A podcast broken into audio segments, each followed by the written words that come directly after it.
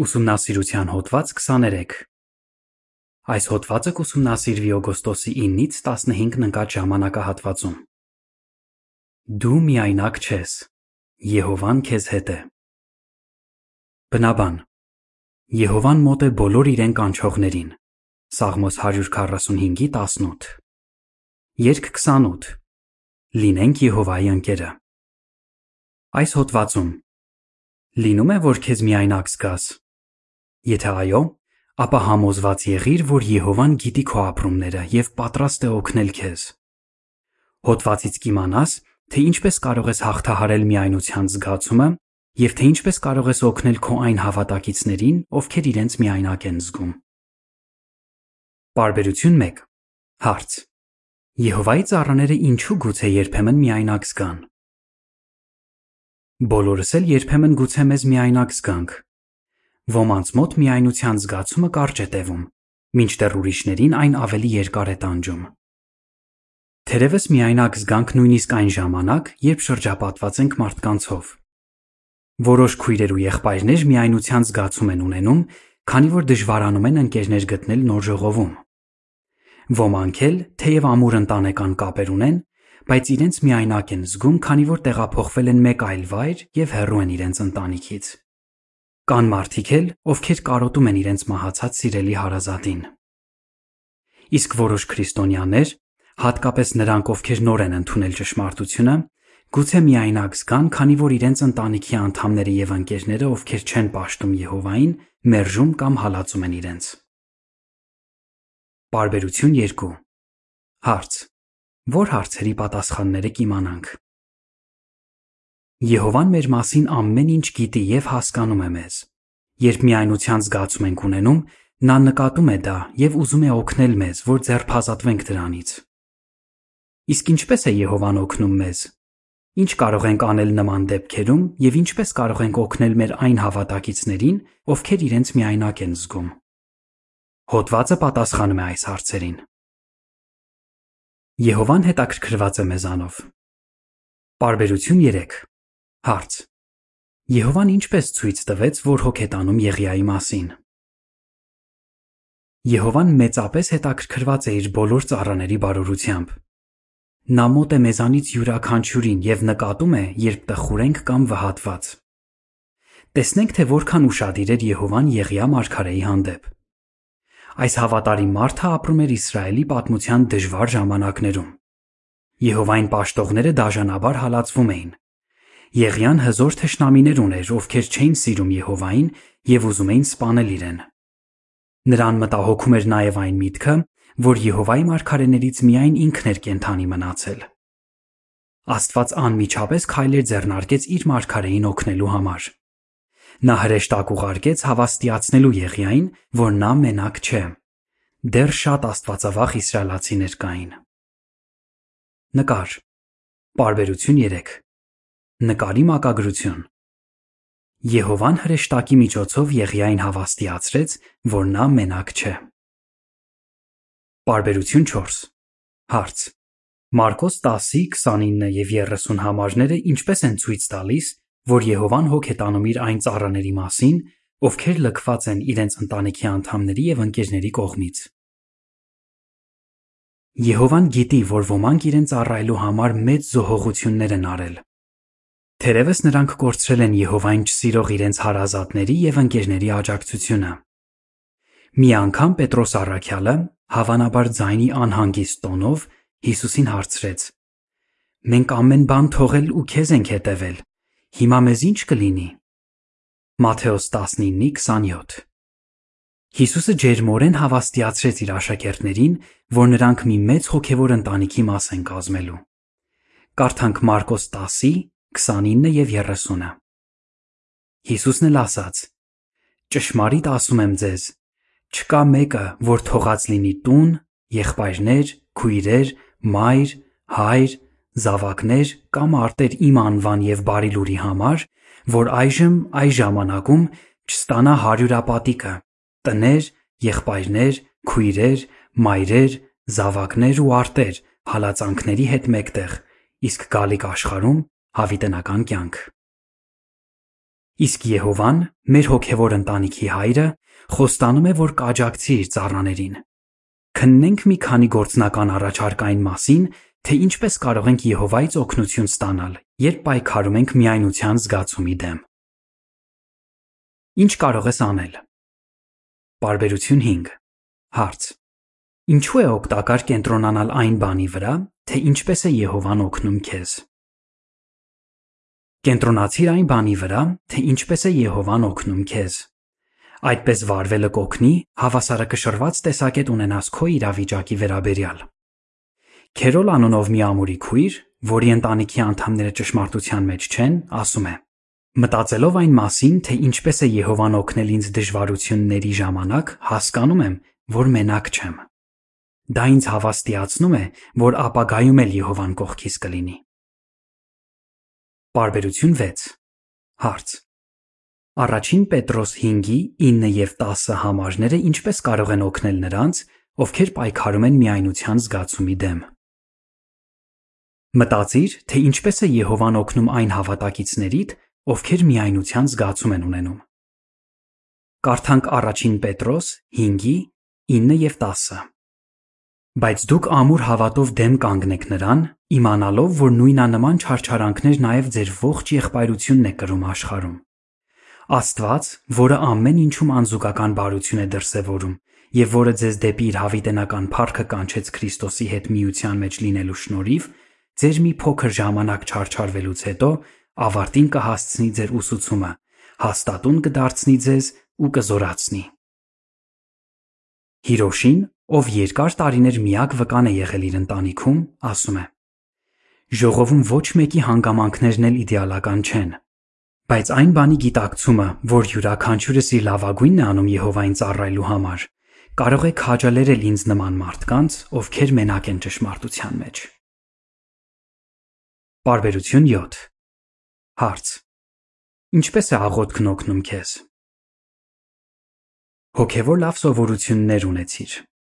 Անկեղծորեն պատմիր Եհովային, թե ինչ ես զգում։ Մասիել անունով մի երիտասարդ քույր ասում է. Եհովային ջերմեռանդորեն աղոթելը այն կարևոր բաներից մեկն է, որ օգնել է ինձ պայքարել միայնության զգացումի դեմ։ Մասիելը միայնության զգացում ուներ, քանի որ իր ընտանիքի անդամներից միայն ինքն էր ծառայում Եհովային։ Նա շարունակում է. Ես ամեն օր հաճախակի աղոթում էի Եհովային, պատմելով նրան, թե ինչ եմ զգում։ Նա իսկական հայր էր ինձ համար։ Բարբերություն 8 Հարց. Աստվածաշունչ կարդալը եւ խորհրդածելը ինչպես է օգնում քեզ։ Կանոնավորաբար կարդա Աստծո խոսքը եւ խորհրդածիր այն հատվածների շուրջ, որոնք ցույց են տալիս, որ Եհովան սիրում է քեզ։ Բիանկան, ում ընտանիքի անդամները ցավ պատճառով խոսքեր են ասում նրան, նշում է. Սիրում եմ Աստվածաշնչում եւ մեր հրատարակություններում կարդալ ու խորհրդածել Եհովայի այն հավատարիմ ծառաների մասին, ովքեր նմանատիպ իրավիճակներում են եղել, ինչ ես։ Դա ինձ շատ է օգնում։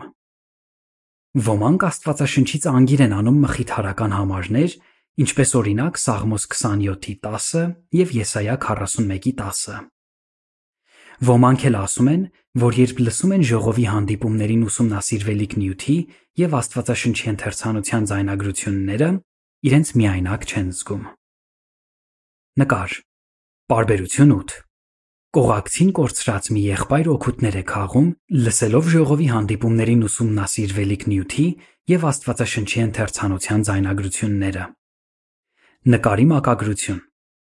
Նրանք, ովքեր իրենց միայնակ են զգում, Լսելով Աստվածաշնչի եւ մեր հրատարակությունների ձայնագրությունները կարող են մեղմել միայնության զգացումը։ Բարբերություն 9 Հարց. Ինչպես է ժողովի հանդիպումներին հաճախելը օգնում քեզ։ Ամեն ջանք թափիր, որ կանոնավորաբար ներկա լինես ժողովի հանդիպումներին։ Դու մեծ օգուտներ կքաղես ծրագրից եւ կմտերմանաս հավատակիցներիդ հետ։ Մասիելը, ում մասին արդեն նշեցինք, ասում է. Թեև ես ամաչկոտ էի, սակայն վճռել էի ներկա լինել ժողովի բոլոր հանդիպումներին եւ մեկնաբանություններ տալ։ Դա օգնել է, որ ինձ ժողովի մի մասը զգամ։ Բարբերություն 10 Հարց. Ինչու է կարևոր մտերմանալ Եհովայի հավատարիմ ծառաների հետ։ Մտերմացիր Եհովայի հավատարիմ ծառաների հետ։ Ժողովում այնպիսի ընկերներ գտիր, որոնցից սովորելու բան ունես, անկախ նրանց տարիքից եւ ծագումից։ Աստվածաշունչն ասում է, որ տարեցներն իմաստուն են։ Սակայն տարեցներն էլ իրենց հերթին շատ բան կարող են սովորել երիտասարդներից։ Դավիթը շատ ավելի երիտասարդ էր, քան Հովնաթանը բայց դա չխանգարեց, որ նրանք մտերիմ ընկերներ դառնան։ Դավիթն ու Հովնաթանը օգնում էին միմյանց, որ անկախ դժվարություններից ծառայեն Եհովային։ Իրինան, ով միակ վկան է իր ընտանիքում, ասում է. Մեր հավատակիցները կարող են մեզ համար դառնալ հոգևոր ծնողներ, քույրեր ու եղբայրներ։ Եհովան նրանց միջոցով կարող է լրացնել ընտանիքի բացը։ Բարբերություն 11 Հարց. Ինչ կարող ենք անել ամուր ընկերություն հաստատելու համար։ Նոր ընկերներ ձեռք բերելը կարող է դժվար լինել, հատկապես եթե ամաչկոտ ես։ Ռատնա անունով մի քույր, ով չնայած հակառակությանը ընդունել է ճշմարտությունը, ասում է. Պետք է ընդունեի, որ իմ հոգևոր ընտանիքի աջակցության կարիքն ունեմ։ Գուցե դժվար լինի ուրիշներին պատմել քո զգացումների մասին, Բայց մտերիմ ընկերության հիմքում նման բաց հաղորդակցությունն է ընկած։ Ընկերներդ ցանկանում են քաջալերել եւ աջակցել քեզ։ Սակայն նրանք չեն իմանա ինչպես դա անել, եթե սիրտդ չբացես նրանց առաջ։ Բարբերություն 12 Հարց. Ինչպես կարող ես լավ ընկերներ ձեռք բերել։ Ընկերներ ձեռք բերելու լավագույն կերպերից մեկը ծառայությանը մասնակցելն է։ Քերոլն ասում է. Ես շատ ընկերներ եմ ձեռք բերել ծառայության մեջ համագործակցելով տարբեր քույրերի հետ եւ մասնակցելով աստվածապետական այլ գործերի։ Տարիների ընթացքում Եհովան ինձ շատ է օգնել այս ընկերների միջոցով։ Եհովայի հավատարիմ ծառաների հետ մտերմանալու համար արժե ջանքեր թափել։ Եհովան նրանց միջոցով օգնում է հաղթահարել բացասական զգացումները, ինչպես օրինակ միայնությունը։ Օգնենք նրանց մեր ընտանիքի մի մասը զգալ։ Բարբերություն 13 Հարց. Ժողովում յուրաքանչյուրս ինչ պատասխանատվություն ունի։ Ժողովում յուրաքանչյուրիս պատասխանատվությունն է նպաստել սիրո եւ խաղաղության մթնոլորտին, որպեսի ոչ ոք իրեն միայնակ չզգա։ Մեր խոսքերն ու գործերը կարող են մեծ ազդեցություն ունենալ մյուսների վրա։ Մի քույր ասում է. Ճշմարտությունն իմանալուց հետո ժողովն իմ ընտանիքը դարձավ։ Առանց եղբայրների եւ քույրերի օգնության ես չէի կարողանա Եհովայի վկա դառնալ։ Ինչպես կարող ես օգնել նրանց, ովքեր մենակ են ճշմարտության մեջ, որ ժողովի մի մասը զգան։ Բարբերություն 14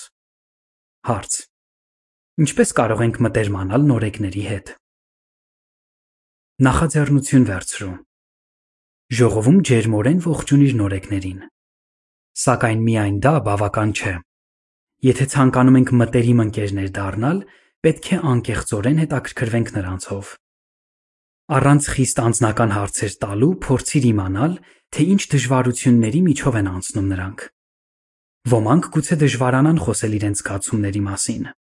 Ոստի զգուշ եղիր, որ ճնշում չբանեցնես նրանց վրա։ Փոխարենը նրբանկատ հարցեր տուր եւ համբերությամբ լսիր նրանց։ Օրինակ, կարելի է հարցնել, թե ինչպես են նրանք իմացել ճշմարտությունը։ Բարբերություն 15 Հարց. Ժողովում հասուն քրիստոնյաները ինչպես կարող են օգնել ուրիշներին։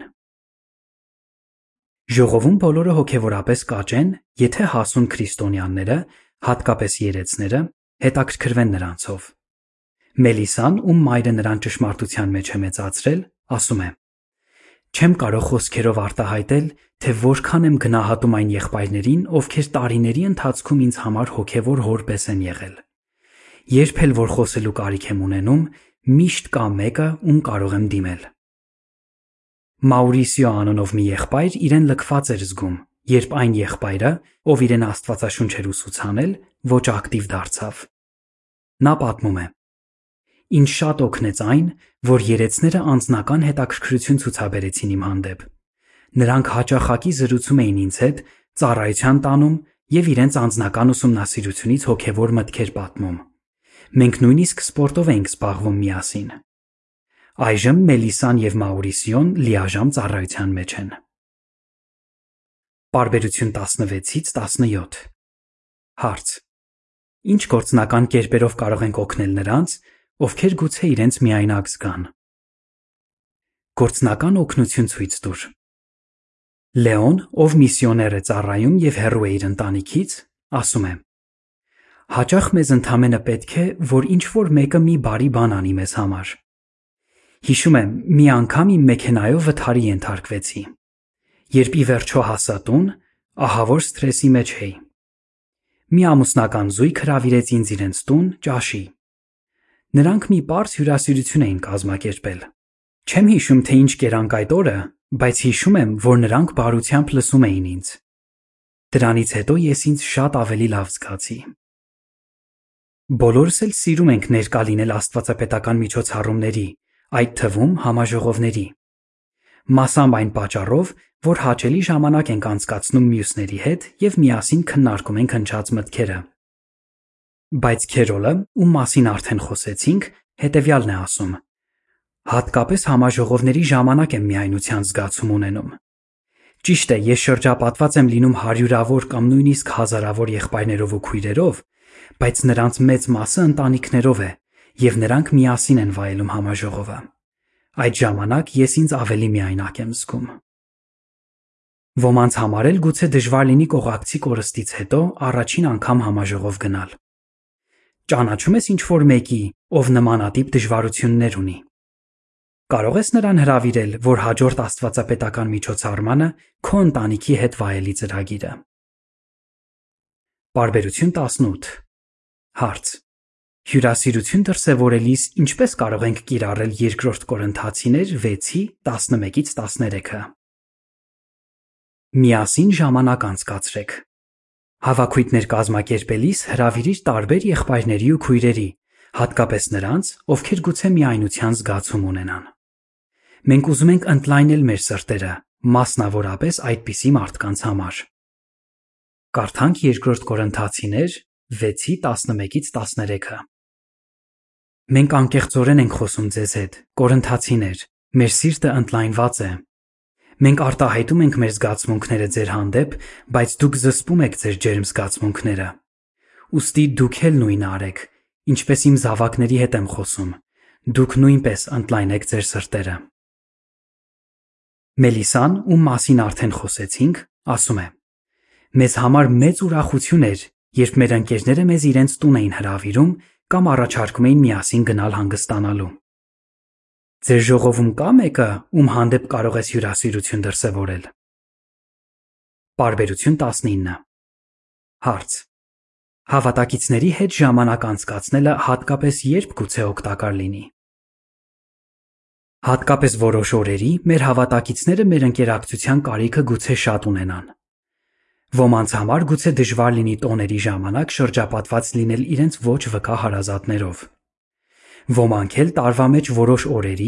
հնարավոր է ծանր ապրումներ ունենան, օրինակ, սիրելի հարազատի մահվան օրը։ Երբ մենք նման եղբայրների ու քույրերի առաջարկում ենք միասին ժամանակ անցկացնել, ցույց ենք տալիս, որ անկեղծությամբ հոգ ենք տանում նրանց մասին։ Փիլիպեցիներ 2:20 Նկար Պարբերություն 16-ից 19 Մի եղբայր իր փոքրիկ աղջկա հետ այցելում է իրեն ժողովից մի տարեց եղբոր եւ բարություն դրսևորում նրա հանդեպ։